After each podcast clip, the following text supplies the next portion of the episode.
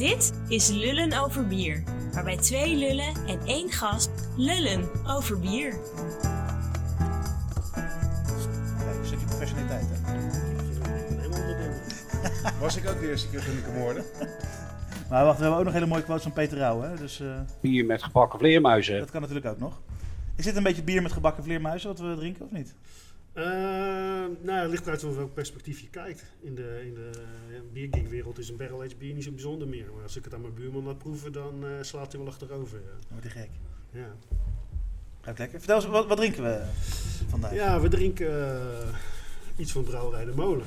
Ehm, in collaboration met eh Alan van uh, of the Dog uit Portland hebben we dat eh, in onze ketels gebrouwen en een beetje met de, aangepast natuurlijk ingrediënten die wij wel konden krijgen en eh, enzovoort. En vervolgens is deze gerijpt in, eh, in houten vaten. En een behoorlijk tijdje moet ik zeggen, eh, ruim een jaar. Kijk. Bourbonvaten. Ehm, niet een specifieke bourbon. Dus er meerdere bourbons bij elkaar. Ja, Lekker. Zeker, Ga, proe- ga proeven toch? Absoluut. Ik zou zeggen proost. Ja. Proost. proost. Op uh, lullen over bier. Ja.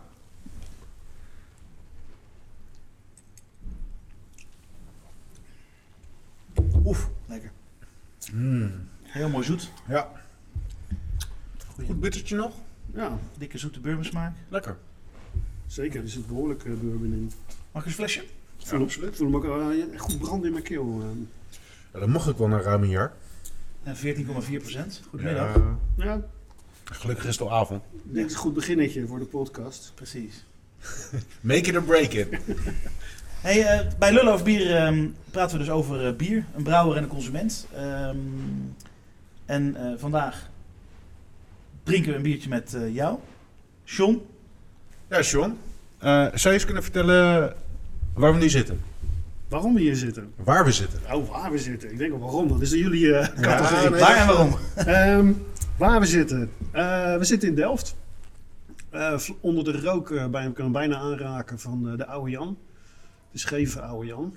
Eh, op het Heilige Geestkerkhof.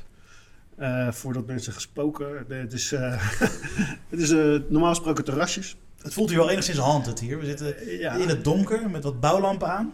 Ja, op een steiger boven een eh 13e eeuwse eh, kelder die net eh de archeologie is eh, mede uitgegraven. Ehm, dit was een restaurant, een Grieks restaurant tot een jaar of drie geleden. Maar eh, mijn buurman, die nu al horeca heeft aan de andere kant van het Heilige Ker- Geestkerkhof, die gaat hier horeca beginnen. Eh, het loopt enigszins uit vanwege de archeologische vondsten die er gedaan zijn. Ehm, en dan gaat het met name om het gebouw. Eh, misschien kunnen jullie nog zien hier in de hoek dat er zo'n stukken gewelf nog lopen. Dit is echt een kloosterkelder geweest, waar eh, eh, de- later ook een keuken in is geweest. Van wie er toen ook in woonde, want dat weet men natuurlijk niet echt. Ehm, en hier komt horeca in. Maar mijn buurman zei van, joh, ik wil graag iets meer met bier doen dan wat ik nu doe. En ehm, hij zei, jij bent van de bier, dus kunnen we eens een keer gaan babbelen.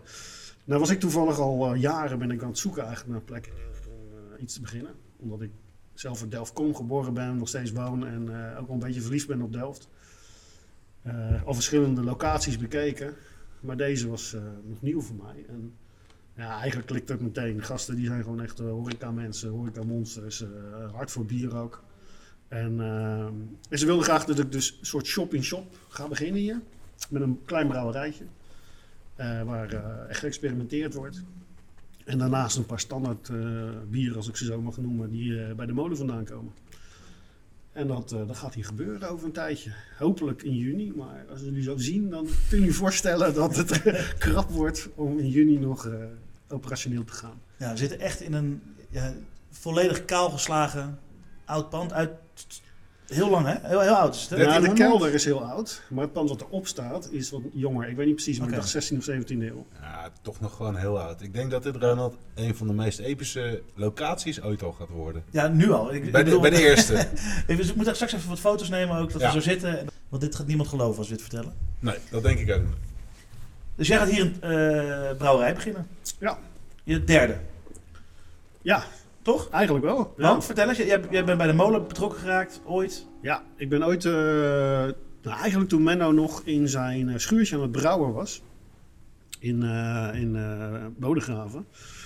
Toen ben ik daar al op bezoek gekomen, eh, gewoon eh, als bierliefhebber. Bedevaartsoord. Een soort bedevaartsoord. De Eh, gasten de laten ook even van zich horen. Een beetje klopgeesten. Ja. Zware klopgeesten zo te horen. Nee, eh, eh, toen ben ik eh, dus bekend geraakt met Menno en eh, met zijn bieren. En ehm, ja, dat is eh, eh, altijd, altijd aangebleven, zal ik het maar noemen. Een soort van biervrienden. En toen hij in eh, 2004 begon met de Brouwerij De Molen, was ik ook eh, vaste klant daar, zal ik maar zeggen. Ondanks het feit dat ik er niet eh, naast woon. Dus, de- dus dat was al voordat eh, de molen als bedrijf bestond. En voordat er in de molen ja, ja, de molen is pas in Gewoon puur 2000 hobbybrouwers. eh. Ja, nee, nee, nee, hij was wel professioneel bezig. Oké. Eh, maar eh, nog niet als brouwerij De Molen. Eh, hij had een brouwerijtje, de Salamander. En zijn bedrijf heette Olivier's Bieradvies. Ja. Dus hij brouwde voor zichzelf en deed ook heel veel eh, cursussen geven, zal ik het maar noemen. Dat er groepjes langskwamen, een man of vijf, tien, zoiets. leuk. En dan eh, eh, werd er een bier gebrouwen wat ze zes weken later op konden komen halen. En ehm, ja, zo ben ik als fan bij de molen betrokken. En in 2000, eh, zo moet ik even rekenen, 2008, 2009 eh, ben ik wat serieuzer met hem erover gaan praten. En sinds 2010 ben ik ook dan partner, zou ik het maar noemen. En eh, eh, in de brouwerij betrokken, werk ik in de brouwerij de molen, en noem maar op. Dus ook alweer negen jaar zo'n beetje. Ja. Het gaat hard, hè? En vanuit, vanuit de molen is toen natuurlijk ook eh, de Kaapse ontstaan. Ja. Daarom zei ik net derde brouwerij deze. ja, klopt. Eh, kun je wat vertellen over daarover? Over jouw involvement in de Kaapse? Ehm, ja, natuurlijk. Ehm, kijk, wij, eh, wij waren gewoon lekker bier aan het brouwen en we zijn toen uit gaan bereiden. Eh, in 2011. Eh, en dat, ja, dat ging, goed. Eh, net zoals heel veel andere mensen die bij ons langs zijn geweest. kwam op een gegeven moment Tjomme langs. Die zei van ja, ik, Tjomme is de, de, de, manager en mede-eigenaar van Kaapse Brouwers. Die zei van ik wil iets gaan doen met, met een brouwerij in Rotterdam. En ik wil jullie, kunnen jullie mij adviseren? Nou, dat, dat doen we nog steeds, sommige brouwerijen.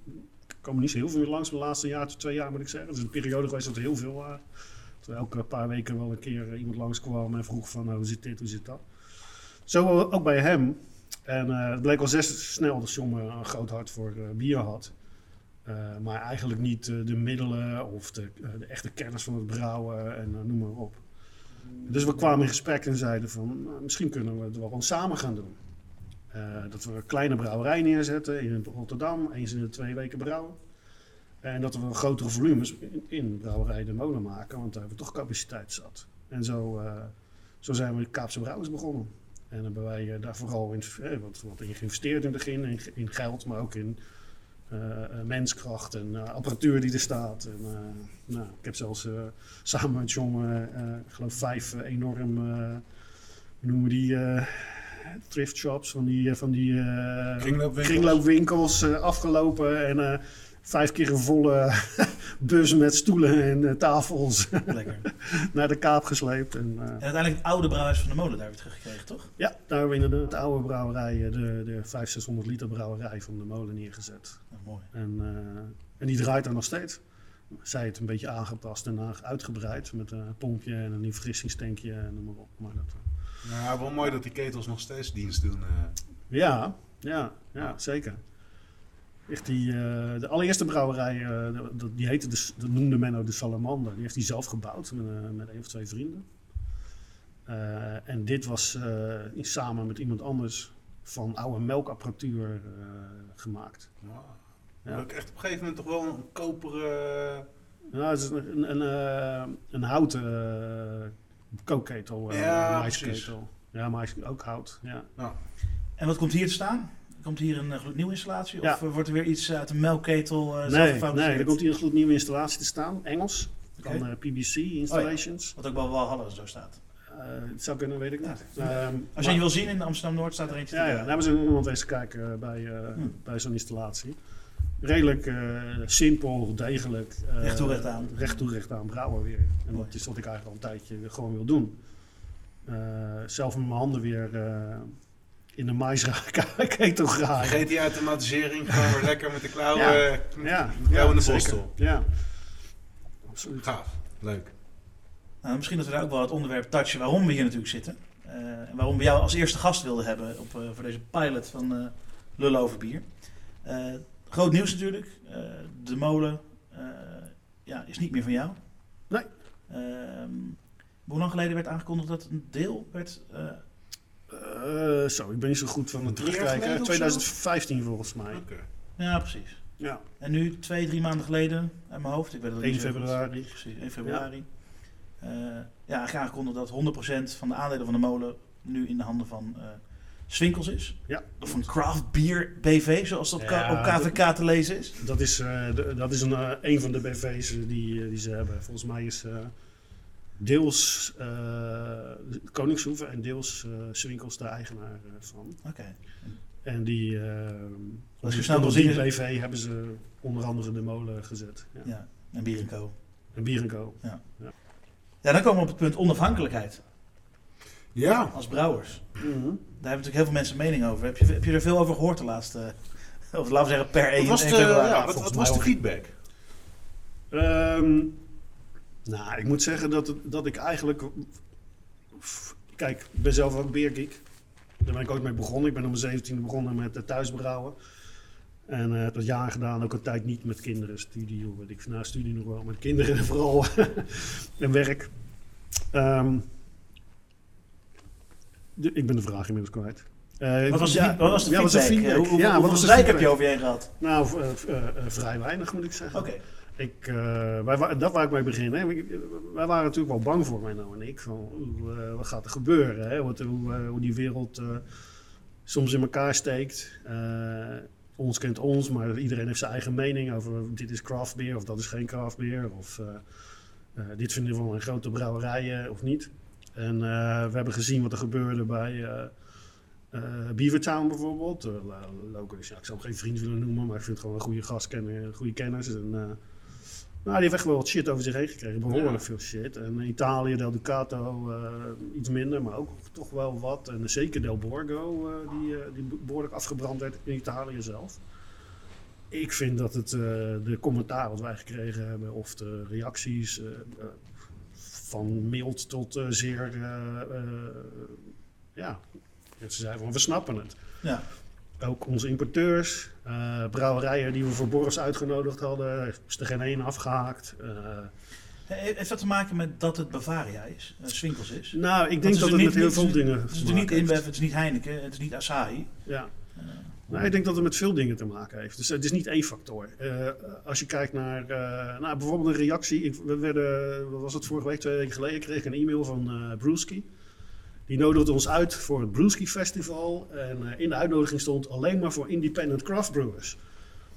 Dus ik denk, ja, ik moet toch even... Dus ik heb teruggemaild van, eh, did you get the memo? Want eh, independent is misschien niet meer voor van toepassing. En als antwoord kreeg van, ja, maar jullie zijn een categorie apart. Weet je wel? Dus ik denk dat er in, een- in, in een groot deel van de craft beer scene, wat het ook mogen zijn, eh, toch nog wel een hoop sympathie is voor zowel de personen, Menno en, en ik, als, eh, als, als het merk.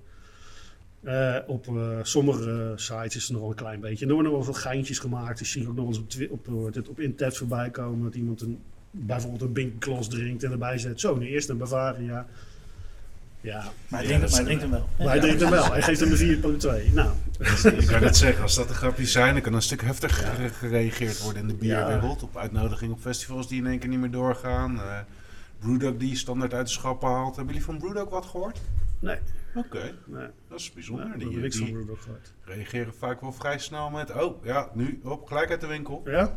Ja. Nee, we hebben niks van gehoord. We hebben, ik moet zeggen van alle onze, want we, importeren, we exporteren naar 41 landen als ik het goed heb eh, op het moment. Ik heb maar van één importeur gehad.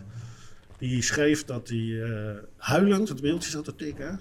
Maar dat hij eh, vond dat, het, dat ja, omdat ze in hun policy hebben staan dat alleen maar independent craft brewers doen. Dat ze de vorige keer hè, door de vingers hebben gekeken. Maar nu ja, nu moeten we helaas, ook al willen we het niet, zeggen dat we stoppen met de import van de molen. Oké. Nou, dat is het eentje. Eh, een hele Ja. kleine ook trouwens. Je zou je ook Dus, gaan eh, afvragen als niemand reageerde.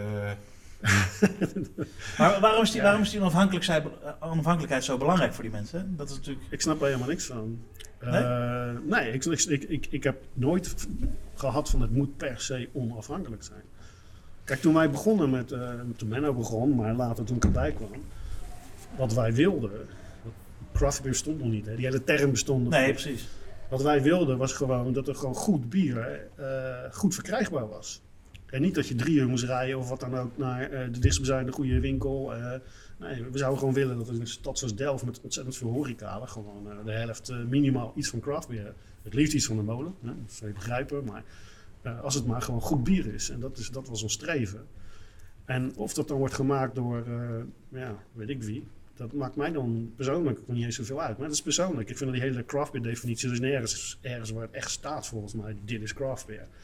Natuurlijk heeft Ja, de, Brewers- craft- de, Brewers, de Brewers Association heeft natuurlijk een... eh, Die heeft een, ja, maar die past dus ook iedere Ik wou net zeggen, ik vind Ja, dat- natuurlijk. Maar dat is omdat, daar, daar past het volume voornamelijk op aan. niet alleen volume. Nee, Ze hebben ook uit de regel gehaald dat je geen rijst mag gebruiken Ja, bijvoorbeeld. klopt, ja. En dat doen ze allemaal om Samuel Adams, de grootste betaler, zo commercieel, om die er maar in te houden. Ja. Ja, Nou ja, weet je, hypocriet. als het, als het gaat om onafhankelijkheid, kijk, ten, ten eerste eh, kan ik jullie, eh, zeg maar jou en, eh, en Menno alleen maar feliciteren met wat er gebeurd is. En dat ik neem aan dat je, dat je een mooie deal hebt kunnen sluiten. Zo simpel is het natuurlijk. Ehm, eh, en zakelijk gezien kan je, kan je daar alleen maar, denk ik, trots op zijn. Ik, als brouwer, ben niet per se blij met minder onafhankelijkheid. En dat is omdat ten eerste komen straks, of nu komen consumenten in cafés die bij wijze van spreken door Bavaria gehuurd worden en gepacht worden via Bavaria. Mhm. Die café-eigenaar kan dan wel meerdere bieren nu kiezen. Hè, in verhouding tot twee jaar geleden. Want eh, het hele eh, het bierenassortiment en, eh, en ook de molenbieren staan daar nu. Maar uiteindelijk is het toch een beetje, voor mijn gevoel, de illusion of choice voor die consument. Ehm, en daar komt nog eens een keer bovenop dat je een, dus een oneerlijke concurrentie krijgt voor kleine brouwerijen die, we allemaal, die nog niet eens bestaan. Of die, of die, ja, Zeg maar de toetredingsdrempel tot de markt wordt een heel stuk hoger. Waardoor je ehm, eh, ja, de allerkleinste initiatieven, en, ja, eh, geen eerlijke kans geeft. die, die krijgen daardoor een minder eerlijke kans. Want de café-eigenaar zal denken, ja, hoezo moet ik het kwartje van tap hebben? Ik heb al heel veel bieren van tap Ja. via mijn leverancier. En eh, de consument zal denken, zal er ook niet om vragen, want die denkt, oh, ik heb al best veel keus. Terwijl het niet een echte keuze. En dat is wat voor mij, eh, zeg maar, de onafhankelijkheid sterk maakt. Laat ik het Ja. zo zeggen. Ik, ik snap die gedachte wel, maar als je. eh, kijk, ik ben geen econoom, ik ben geen marketeer of ik veel wat.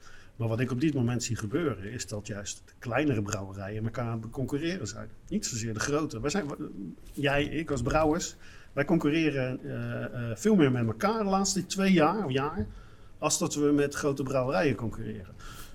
Eén, ik geef toe, dat komt deels omdat heel veel van die taps gekocht worden door grote brouwerijen. Of ze investeren in de tapinstallatie of wat ze ook doen, weet ik niet. Maakt me niet uit. Daarnaast blijven er misschien twee tapjes over. En wat gebeurt er? Eh, de meeste eh, café-eigenaren zeggen, dan doe ik iets lokaals. Ja. Eh, ik, ik denk, ik weet zeker dat wat grotere brouwerijen in de craft beer scene het echt moeilijk gaan krijgen de komende tijd. Maar veel meer omdat ze elkaar aan het concurreren zijn. En er zullen dus ook echt enorm veel van die kleine brouwerijtjes gaan omvallen de komende tijd. Daar ben ik van overtuigd. Dit is volgens mij het punt dat we aan zijn gekomen bij eh, de cliché ja of nee. eh, Dat lijkt me wel een heel mooi eh inleiding Kom maar, jongens. daar naartoe inderdaad. Want we hebben namelijk eh, een, eh, een even, even- eventjes om even uit het gesprek te komen en even wat anders te doen, hebben wij de cliché ja of nee ronde. Oké. En eh wij hebben drie, drie stellingen eigenlijk. Ja, Die gaan we ja, weer voorleggen. ja of nee is het antwoord. Eh, de eerste stelling is, Er gaan de komende drie jaar een shake-up plaatsvinden van het aantal brouwerijen in Nederland. Ja. vrouwen zijn ondervertegenwoordigd in de brouw- slash bierwereld. Ja. Huurbrouwers zijn geen echte brouwers. Ik kan daar geen ja of nee op zeggen. Eh, kom op, ja of nee? Eh, ja. Oké. Top, nou dan gaan we ze alle drie toch even doorlopen denk ik. Ja. Want dit is eh, mooi. ja, zeker. Want die laatste wil ik wel verdedigen. Heel goed.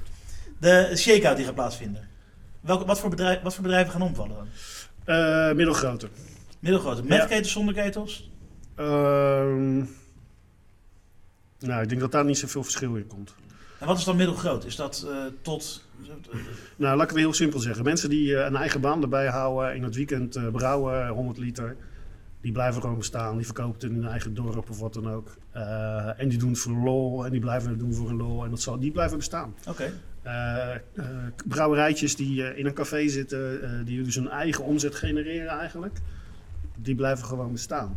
Als jij nu eh 1500, 2000 hectoliter doet en probeert te groeien, wordt het heel lastig. Als je wat groter bent en je hebt een goed distributienetwerk, je hebt een sales team, je hebt eh, allerlei dingen eh, waarmee je je verkoop kan ja, stimuleren of hoe je het ook wil noemen, dan eh, maak je kans. Maar alles wat daartussen zit, die heel leuk bier kunnen maken, maar geen gevoel hebben voor een bedrijf runnen, dan wordt het verdomd moeilijk. Maar waar zit dat dan volgens jou dan in? Is de markt verzadigd? Wat De is markt er- is verzadigd. Het aantal, het aantal brouwerijen is harder gegroeid als eh, de vraag. Ja. Weet je, echt, eh, het Nederland is niet alleen eh, uniek daarin trouwens, maar ik, heb, ik zie gewoon dat er eh, iedereen die eh, eh, een beetje aan het begin van die hele craft revolutie stond en daarmee maar gepassioneerd eh, in, eh, in eh, begon, eh, die heeft nu eh, een eh, brouwerij of een winkel of een, eh een craft beer café of, Of is eh, blogger geworden. Of het eh, blogger, of- podcast. in ieder geval eh, is die markt gewoon verzadigd. Dan. Hij groeit nog steeds, daar ben ik ook van overtuigd, maar niet hard genoeg. Maar zou het niet zo zijn dat juist de mensen die... ehm, want ik denk ook wel dat er enigszins een schifting kan komen. Ehm, ik denk alleen de mensen die al volop erin zitten... ehm, ook al doen ze misschien nog maar ehm nou, 10.000 hectare of 20.000 hectare of 30.000 hectare... ehm, ik denk dat, dat, dat, dat juist de mensen die er volop in zitten het wel kunnen overleven. Want die hebben de passie en de drive. Dat hebben ze inmiddels wel aangetoond. En Ja, maar juist de mensen die het voor de hobby doen, in mij, dat zou ik voor me zien. Nee. Die denken op een gegeven moment, ja, dit levert wel, deze hobby levert wel zo weinig op en hij kost misschien zelfs. Als je bijvoorbeeld eh, 50.000 ja, 50.000 liter of minder doet, dan gaat die echt wel kosten. Ehm, dan, dan, dan, ik denk dat, dat, dat daar eerder een shake-out in komt, omdat zij kunnen ook moeilijk op de tap komen. Ze kunnen ook... ehm, Ja, maar zij kunnen, het, zij kunnen het heel erg van lokaal hebben. Als je- tenzij daar een lokale brouwerij zit. Hè? Dus Ja, Bijvoorbeeld, eh, zeg maar, in, in- in- nee, voor mij, voor mij Ja. heel simpel in Utrecht. eh, als daar ehm, als, er, als er twee huurbrouwers komen, die hebben toch altijd een slechter verhaal dan degene die de eigen ketels heeft staan. Ja. En, eh, en, en, en nou ja, wat je zegt, zijn eigen ook. eigen bussen. Dus- dat denk ik ook. Maar weet je hoeveel geld die kunnen investeren in marketing en sales? Omdat ze niet eh, hoeven te investeren in personeel, brouw. eh, eh, weet ik, als een bierbrouw zo misgaat, dan hebben ze er geen last van. Dan heeft die brouwer er last van. Dus zij kunnen, zij kunnen, het is heel erg afhankelijk van hoe je je bedrijf runt. Als jij, Dat is het denk ik. als jij nu een brouwerijtje begint of het net hebt begonnen en je hebt daarvoor, ik zeg maar een bedrag, een miljoen aan lening van de bank en crowdfunding in zitten. En over een jaar of over drie jaar komt ineens iemand zeggen van ja, nu wil ik mijn geld zien. Ja, dan wordt het lastig. ja, daar ben ik wel met je eens. De dingen die ik omheen zie, die, zijn wel, eh, die zou ik soms wel als bijzonder willen betitelen. Maar dan gaat het inderdaad eerder over het investeringsniveau wat erin gestopt wordt vanaf dag 1. Ja, En ja. die niet altijd eh, in verhouding staat tot, de, ehm, ja, tot het volume wat er al gedraaid wordt. Ehm, nou ja. En Vrouw- huur, huurbrouwers zullen er gewoon, denk ik, de komende tijd blijven. Die zullen misschien wel omvallen, maar dan komen we net zo hard weer voor terug, denk ik. Vrouwen zijn onvertegenwoordigd in de bierbrouwwereld. Jij zei Ja, heel duidelijk, ja. Ja? Eh, ja, vind ik wel. Ehm, alleen al op een bierfestival zie je gewoon bijna alleen maar eh, eh, mannen lopen. Als bezoekers? als bezoekers, tenminste, nou, niet alleen Ja, maar. het is mij echt Er is duidelijk een ja. groot percentage. Maar dat is heel erg veranderd de afgelopen Ja. tien jaar. Maar kijk, we hebben vier brouwers, we hebben één brouwster. Als, als je dat zo...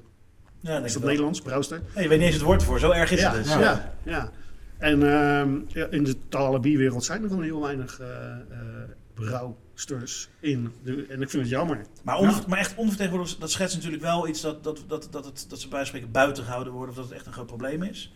Anders dan, kijk, ik heb ook als er bij ons gesolliciteerd wordt. eh, ik heb tot nu toe elke vrouw die solliciteerde gewoon uitgenodigd. Eh, en inmiddels zijn dat er ook een aantal dus die in een team werken. Maar ehm, ja, de bulk van de sollicitanten, zeker in de eerste jaren, allemaal mannen. En ik kan als business owner daar weinig aan doen dat dat zo loopt. Zeg maar. ik, kan niet per, ik ga daar Ja. niet per se op zoek. Dus ik heb niet het idee dat ze per se onvertegenwoordigd zijn. Ik geef wel toe dat het niet een representatie is van de wereld. Zeg maar, van de normale wereld. eh, wat wij, eh, Maar zou het ook niet zoals met bepaalde vakken zijn, weet je? Het onderwijs wordt ook gedomineerd door vrouwen. Daar zijn juist weer heel weinig- bouwvakkers, ja. Er werken ook Verpleging. weinig vrouwen. Wat heel grappig is, omdat eh, vroeger het bier eigenlijk alleen maar door vrouwen gebrouwen werd. Ja, blijkt dat nu schijnbaar toch een, eh, een ander stigma te hebben. Dat dat voor iets voor mannen is. Ja, de, vraag, maar, de vraag is misschien wel, is het erg dat het zo is? ja, maar ja, dat, dat, dat weet ik niet. Nee, eh, kijk, eh, natuurlijk is bepaalde vakken kok. volgens mij is het nog steeds in Nederland zo dat de meeste vrouwen koken. Maar als je in de keukens in de restaurants gaat kijken, is het grootste gedeelte man. Ja. Ehm, is dat erg? Ja, weet je, pff, ik, ik vind dat een lastige vraag. Ik vind dat iedereen moet doen wat hij leuk vindt. En als je als, eh, als man of als vrouw brouwer wil worden of stratenmaker, dat zal mij een zorg zijn. Maar ehm, ik vind het soms wel raar dat in bepaalde beroepen, waaronder bij in, in een brouwerij, dat, dat er gewoon minder vrouwen zijn. Terwijl Ja. gewoon hè, de 50 of zelfs misschien wel meer in Nederland is man, is vrouw. Dus eh, je zou verwachten dat het, eh, de verhouding anders zat. Maar het, het is inderdaad, interessegebied is natuurlijk wel erg belangrijk. Ja, ik kan me voorstellen dat de bierwereld heel graag meer vrouwen zou willen opnemen. Alleen dat vrouwen het ook moeten willen. Absoluut. Ja, absoluut. Nou, aan onze taak om eh, het er vaker over te hebben. Goed plan. Huurbrouwers zijn geen echte brouwers. Jij wilt er nog even extra over hebben? Ja, zeker. Want ik kan er geen ja of nee op zeggen. Omdat ik huurbrouwers ken. eh, die ik misschien allemaal niet maar bij naam moet noemen. Maar ik heb al eh, gehad dat sommigen die sturen gewoon een mailtje. Wil je dit bier voor me maken? En daarna sturen we een factuur. Ze komen het ophalen. Ik heb ook brouwers. Die, eh, wij brouwen bijvoorbeeld eh, voor... nou, laat ik geen namen noemen. Dat vind ik, eh, ik weet niet of ze dat fijn vinden. Maar die komt gewoon op de brouwdag. Die komt eh, twee dagen later naar de vergisting kijken. Die leest mee in het boek over de, alle, alle, alle controles die we doen over zuurstof, koolzuur, eh, noem maar op. Ehm, nou, dat, vind ik, dat is wel een brouwer. Alleen heeft hij geen eigen ketel. Ja. Dus het, ik vind, ik vind nou, er zit gewoon echt een wereld van verschil in. Maar heeft het ook te maken met de ambitie om ooit een eigen ketel te hebben, ja of nee? Of dat, dat heeft er geen reet mee te maken? Eh goeie vraag. Nou ja, ik weet het niet. Had, had Mikko bijvoorbeeld een eh, ambitie in het begin om eh, eigen ketels te hebben? Of... Jij kent hem eerder, uit de eerdere tijd ken jij hem beter Ja, dan ik. nou volgens mij had hij dat toen niet. Dat is pas Nee. later gekomen. Nu heeft hij drie, vier brouwerijen of zo. Ik, weet- het niet. Ik weet alleen dat hij Eelsmith in San Diego, Diego heeft eh, gekocht. Maar ik Ja, weet niet volgens mij heeft hij in New York ook nog wat gekocht. Oké, ja, was dat zijn broertje? Ja, ook, ja, ook. Nee, zijn broertje heeft ook een brouwerij. Ja, precies. Maar Ja. Mikkel zelf ook in New York. Oké, Allemaal me too, joh. Ja. dus eh dat moet je aan hun zelf vragen, dat weet ik niet. Ja.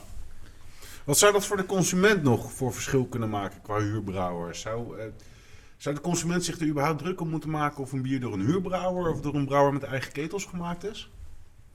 Nou, als het gewoon goed bier is, dan eh, vind ik dat eigenlijk niet eens zo heel erg belangrijk. Kijk, en dan ben ik helemaal met je eens. Oh. Eh, Nou. Wat ik wel vind, is ik stond toevallig in de Jumbo aan de andere kant van het land vanmorgen.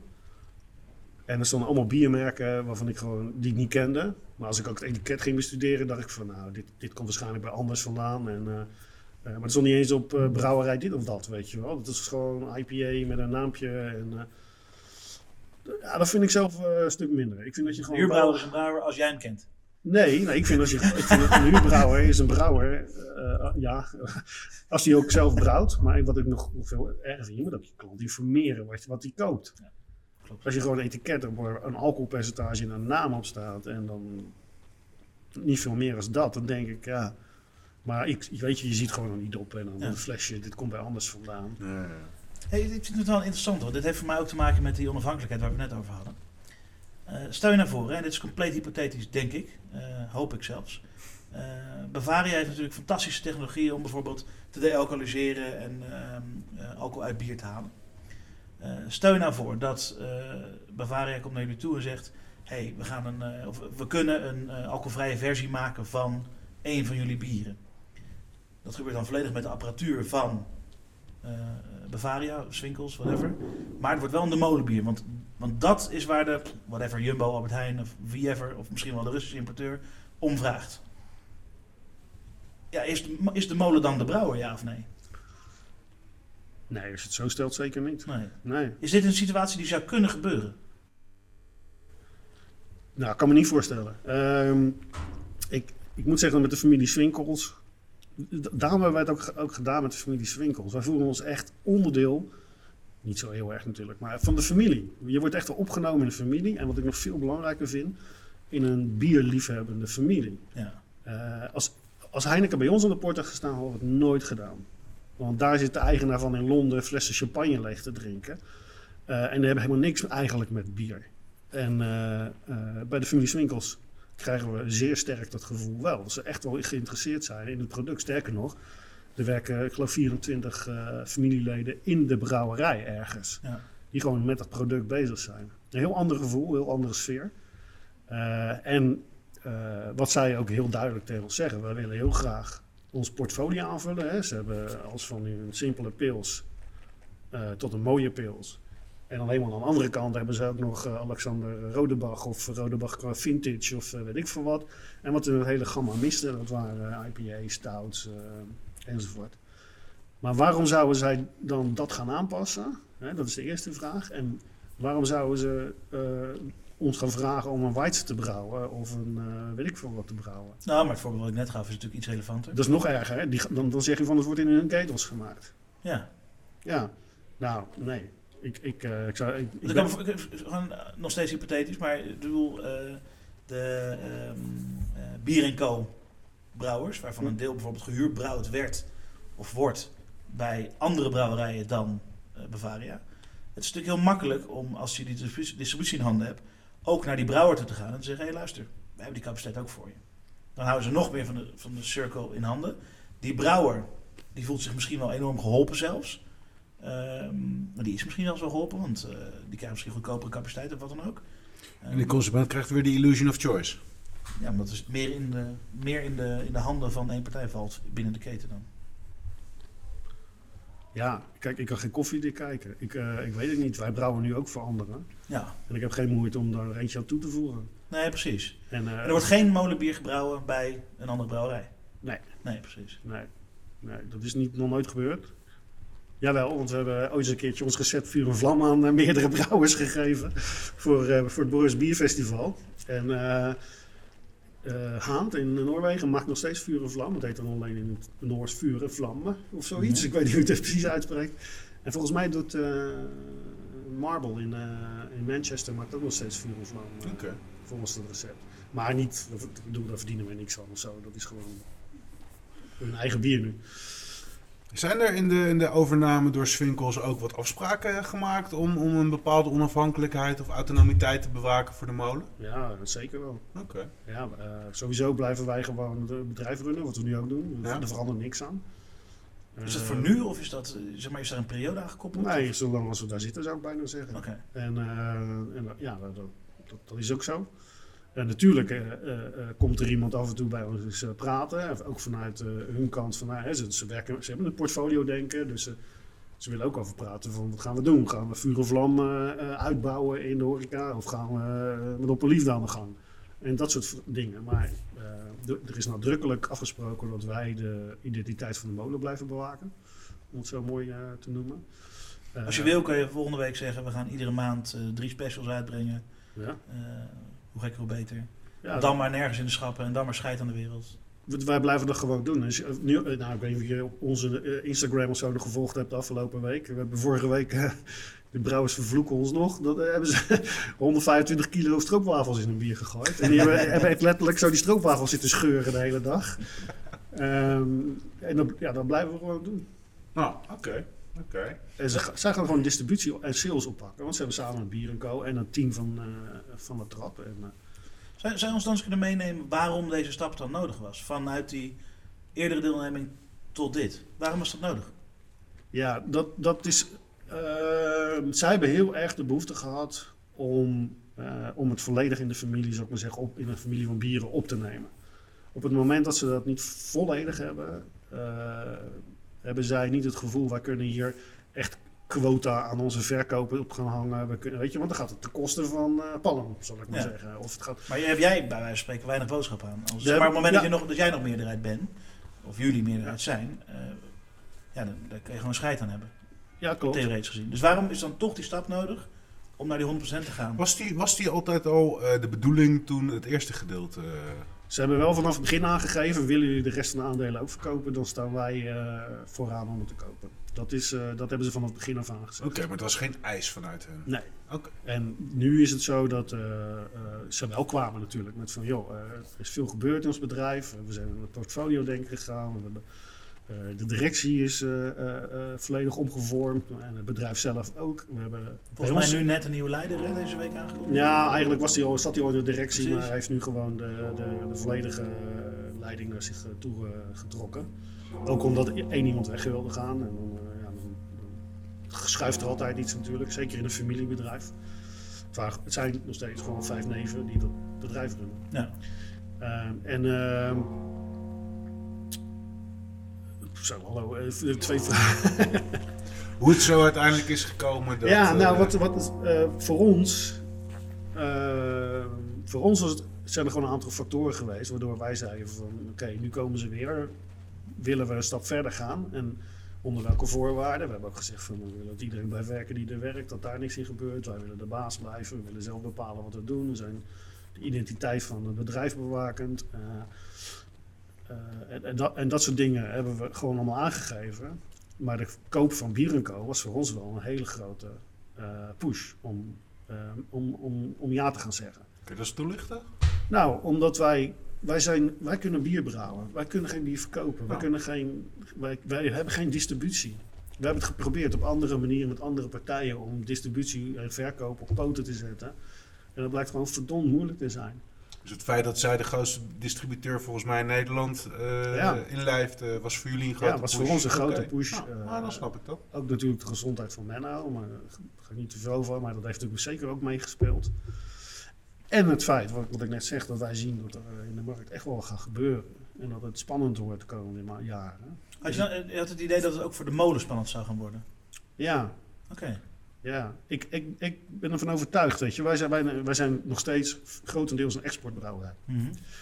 Eh, ik zie een paar markten die iets wat voorgelopen hebben op ons, eh, waar dat al begint of bezig is. Engeland een heel klein beetje, maar Noorwegen die zijn in één jaar tijd van 278 brouwerijen of zo naar 250 brouwerijen gaan of ergens in die eh, regio. Oké. Daar beginnen ze dus echt wel om te vallen. Eh, Italië heeft al, Denemarken is er lang voor geleden voor gegaan. Er er vielen een korte periode heel veel om. Dus ehm, ja, wij, wij zien dat wel veranderen. En dus ook zien we onze export veranderen. Landen die vroeger eh, eh, enorme exportlanden voor ons waren, eh, Amerika bijvoorbeeld, dat doen we gewoon al twee jaar niks. Zeg, zeg je dan ook dat als, je, als de molen een compleet ander merk was geweest, met wijze van spreken, niet in Bodegraven had gezeten, maar midden in Amsterdam, ik noem maar wat, en een hele grote presence in Amsterdam, Ja. à la het ei misschien wel, dat je dan minder die zorg had gehad? Absoluut. Ja? Ja, zeker. Dan had ik. eh, eh, dan had, het, had de wereld anders in elkaar gestoken. Zeker weten. Dus, dus dat is een van de, ja, de vraag denk ik is, wat had er moeten gebeuren om niet deze stap uiteindelijk te maken? Dan had eigenlijk alles anders in elkaar moeten zitten. Ja, ja weet je. Er zit eigenlijk, dus dan was het inevitable. Maar dat betekent dat je misschien... Heb je, ja, hoe ver van tevoren zie je het dan aankomen? Of wordt dit strategie zo gezegd? Is dat al vijf jaar geleden? Of is dat... Nee, dat, dat is, Kijk, wij. Ik weet niet hoe het bij jullie gaat, maar wij zijn niet bezig met een strategie voor het Absoluut niet. Nou ja, in zoverre hebben we vormt wij, zijn natuurlijk, wij, zijn, meningen. wij zijn natuurlijk twee broers. Ehm, eh, onze vader die is met pensioen en die werkt nu twee dagen bij ons. En eh, wij hebben allebei eh, kinderen. Dus eh, zeg maar, voor zover we erover nadenken, denken we erover na om, eh, ja, om het niet van de hand te doen. Aan de andere kant eh, zie ik ook wel in dat mocht er ooit een keer een offer komen, zeg maar, that you can't refuse. Ja, ik ben, niet, ik ben geen heilige wat dat betreft. Ehm, dan is dat misschien ook wel heel verleidelijk en dan gaan we dat ook wel doen misschien. Zeg maar, ik, ik zeg, ik ben heel erg voor die onafhankelijkheid. Eh, maar ik hou ook van het ondernemen en van... eh, ehm, ja, uiteindelijk moet iedereen ook gewoon lekker eh, kunnen genieten van wat hij gedaan heeft. En kunnen genieten van wat hij doet. Dus kijk, voor mij ligt het anders. Want ik denk dat... eh, kijk, mijn kinderen zijn nog heel jong en ik wil ze zeker niet opleggen. Maar eh mochten ze nou ooit een keer die zaak ingaan... ja, dan als ik echt zie dat mijn zoons in mijn geval heel passievol daarin staan en daar zin in hebben... Ja, dan zie ik daar weinig reden voor, in elk geval denk ik nu... om het anders te doen dan wat ik nu van plan ben. Ja, Maar het is nu geen dag tot dag eh, verhaal bij ons inderdaad om te denken over... oh, als het maar klaar is voor eh, over 16 jaar, als ze 18 zijn of weet ik veel wat. Nee, absoluut niet. Daar denken we dagelijks dag tot dag helemaal niet aan. nee, maar zo ging het bij ons ook. We dachten er ook niet de hele dag aan. Maar je, je vormt natuurlijk wel bepaalde meningen door de loop der tijd. Of een bepaald gevoel, of hoe je het ook wil noemen. En eh, voor we zijn er misschien ook met een heel andere manier al ingestoken als dat jij. Hè? Zijn jullie erin gestoken als zo'n leuk familiebedrijfje. Gaan we We zijn ingestoken als, eh godverdomme, lekker hobby en daar gaan we eens een keer wat mee Ja, doen. en, en, eh, en, en ja, dat was bij, ook, bij mij was het ook mijn hobby toen, Ja. toen ik dit deed. Nou, stond mijn wereld op zijn kop, zal ik maar zeggen. En ik, ik, ik wilde gewoon even totaal wat anders gaan doen. Ja. Dus ik dacht, weet je wat, ik eh, koop me in bij Menno. eh, met die investering kunnen we een uitbreiding doen. En dan, eh, al, heb ik het een jaar naar mijn zin, vind ik het ook leuk. Ja. Want, want toen eh Familie Swinkels erbij kwam, toen was er wel een cash eh, eh, behoefte bij de molen, of niet? Voor bottleline, voor, Ja. zeg maar, voor investeringen. Maar die was er nu dus niet. Jawel, Oké. ja, zeker wel. Wij zitten Dus wat kunnen we verwachten? Wat, gaat wat gaat er gebeuren nu dan intern? Nou, nu zijn we dus wel met een strategie bezig. Die verdomde, verdomde... Die Swinkels ook. Die Ja, precies. jongen! Oh. Nou, dat, is- nee, dat komt, eh, nee, dat is niet met iemand met een pak. Nou, misschien wel Jacob, onze derde partner. Maar eh, nee, kijk, wij willen, wij willen ook dingen. Wij zijn altijd, eh, we hebben al eens een keer met blikken geëxperimenteerd natuurlijk. Eh, Ja. We hebben heel, ja, vier geleden al of zo, hebben we echt wel een heel goed onderzoek gedaan naar willen we naar blik overstappen of niet. Eh vinden het nog steeds heel interessant. Hè? Voor IPA's ben ik van overtuigd. Dus voor mij een primeurtje. Voor mij, voor mij gaat Swinkels investeren in de blikkenlijn bij de molen. Nou, dat zou kunnen, maar Kijk. het is afhankelijk van die strategie. En dat, en dat voor een kiezen. pilotaflevering, jongens. De Molo Blik, hoppakee. Hoppakee, alles op blik. Weg met die Eerste scoop, Nou, jongen. nee, dat Bam. zeker niet. Oh, dat zeker niet? Nee, dat Want? zeker Nou, ik, De Barrel Ace moet toch... eh, Oké. Zo'n barrel ace die wil ik gewoon niet in een blik hebben. Ik, ik ben ook IPA, ja, snap ik helemaal. Eh, het is beter voor, eh, voor het bier, absoluut. Eh, het, het heeft, je kan ook best wel veel meer uitstraling geven met een blik. Hè? Als je even eh, het, het- de, de nadelen die sommige mensen eh, aan blik eh Nee, geen, hebben geen, allemaal. geen wit blik met gewoon heel simpel daarop. Ja, dat hebben we is. natuurlijk eerder gedaan. Ja. Ja. Dat hebben we, eh was het, twee jaar geleden of zo. ja, maar jij zegt je, je kan meer uitstraling geven. Ja, maar verwacht toch, ik toch wat, kan je dat ook. Je kan wel je logo er groter op zetten. Kijk, wij gaan nooit... Halve liter barley wine en bourbon barrels. Hoppatee, kom maar door. Hoppa. Nee, kijk, we gaan nooit eh, draken of naakte vrouwen of eh, weet ik wat je er allemaal op een blikje ziet eh, voorbij komen op het moment. Dat gaan wij nooit doen. Maar ehm, je kan wel door grote logo, weet ik veel wat. Je kan, je, je kan wel iets meer doen in een blik als dat je op zo'n klein etiketje zoals wij hanteren doen. Ehm, maar blik is wel iets wat we graag willen. Altijdje. Alleen, we hebben geen plek om neer te zetten. Geen geld om te kopen. Nee, precies. En nu kijk je gewoon naar de eigenaar. En zeg je, ja, maar luister, dit is echt de beste strategie. Ja. En We dan komt erover na- we hebben erover En dan nagedacht. eh, gaan ze zeker mee helpen in, in investeren. Ja. Hij kan natuurlijk op die antasol, toch? Op de andere sol. Die mag maar 700 kilo per eh, vierkante meter hebben. Dus dat wordt lastig. Ja, dan gooi je er wat staal onder. Hoppakee. Nee, eh, die, eh, eh, eh, maar de blik is daar eentje van. Maar wat dacht je van stalen fusten? Dat willen we zo graag. Ja? Ja. Want we zitten nu, ja, weet je, voor voor het milieu ook. Maar het is gewoon, in Nederland zijn we alleen maar bezig met, eh met, met keycaks. Ja.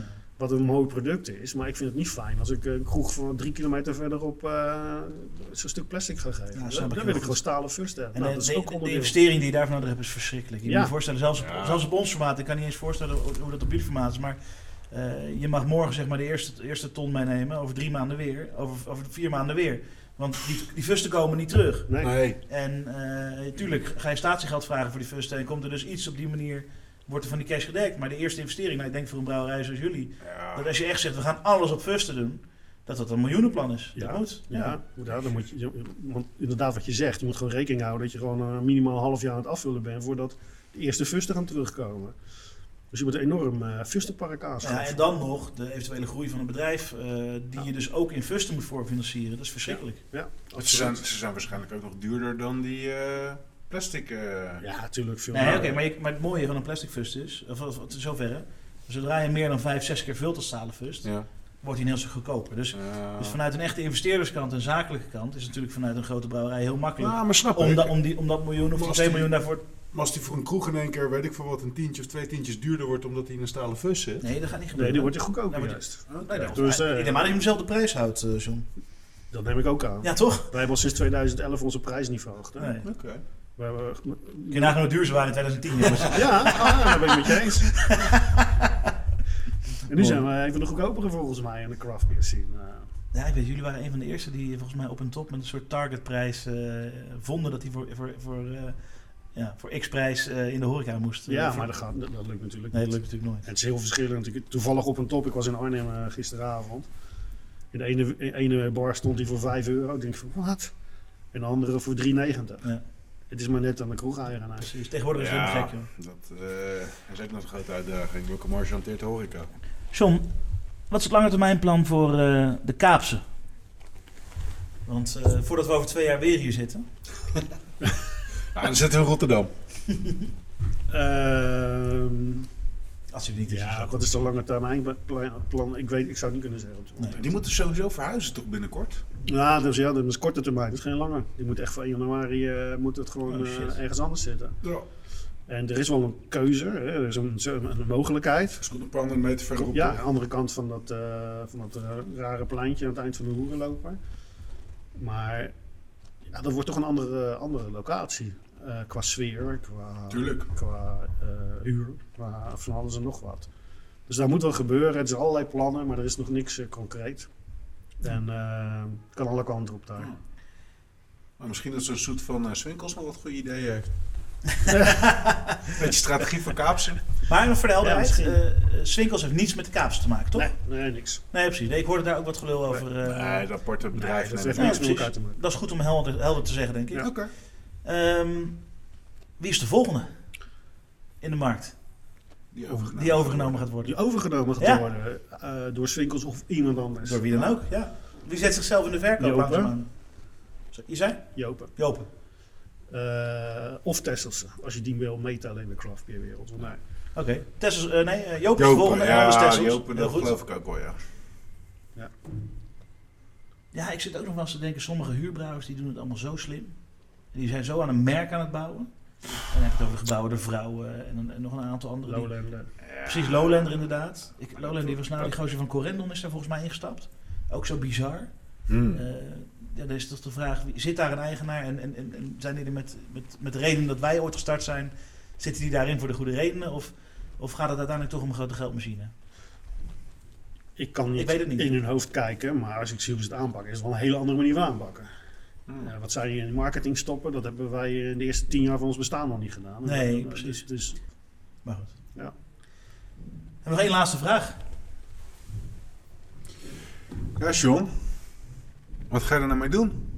Nu alle aandelen over zijn naar, eh, naar Swinkels. ik blijf lekker bij de molen werken. Nee, wat ga je ermee doen? En meedoen. Ja, kunnen wij komende zomer een uitnodiging voor je jacht verwachten? Of, eh, Nee hoor, ik, ik vind het gewoon leuk eh, voor mijn pensioen. Ik ben, ik, weet je, in geld eigenlijk, als ik heel eerlijk ben, de meeste mensen het niet begrijpen als ik nu zeg. Mensen die me kennen wel, het zit me helemaal niks geld. Eh, het is wel een heel handig, middel natuurlijk. Het is fijn als je, als je iets hebt. En ik vind het gewoon leuk om, eh, ja, eh, als ik nog een jaar of tien of zo bij de molen werk. Geen idee hoe dat gaat lopen natuurlijk. Net als dat je bij elke werkgever niet weet hoe het gaat lopen. Maar de, de, dan eh, ga ik er pensioen van eh, genieten of zo. Ik, eh, beetje kelders en Delft uitgraven. mooi. ja, nee, dit is. eh, ik ben echt al. Nou, leuke anekdote misschien om te vertellen. Toen, eh, toen eh, mijn buurman naar me toe kwam met zijn partner later eh, naar de molen om erover te praten. Eh, toen zei ik van, eh, joh, hebben jullie al nagedacht over een naam hè, om daar te gaan beginnen? En toen zei, eh zei hij van, ja, we eigenlijk wilden het Delftse Brouwers gaan noemen. Maar een of andere idioot heeft dat geclaimd. Ik zei, ja, dat was ik. Vijf jaar geleden. Ik heb echt een URL en eh, zelfs eh, WhatsApp en alles. of nee, WhatsApp, Instagram en zo. Omdat we er al mee bezig waren. We zijn op vier verschillende locaties Mooi. kijken. Met andere partners ook eh, door Delft heen. Maar nooit was het exact zoals we het wilden. Ja. En nu, eh, nu wel. Dus dit wordt, ik ga hier in het weekend brouwen gewoon.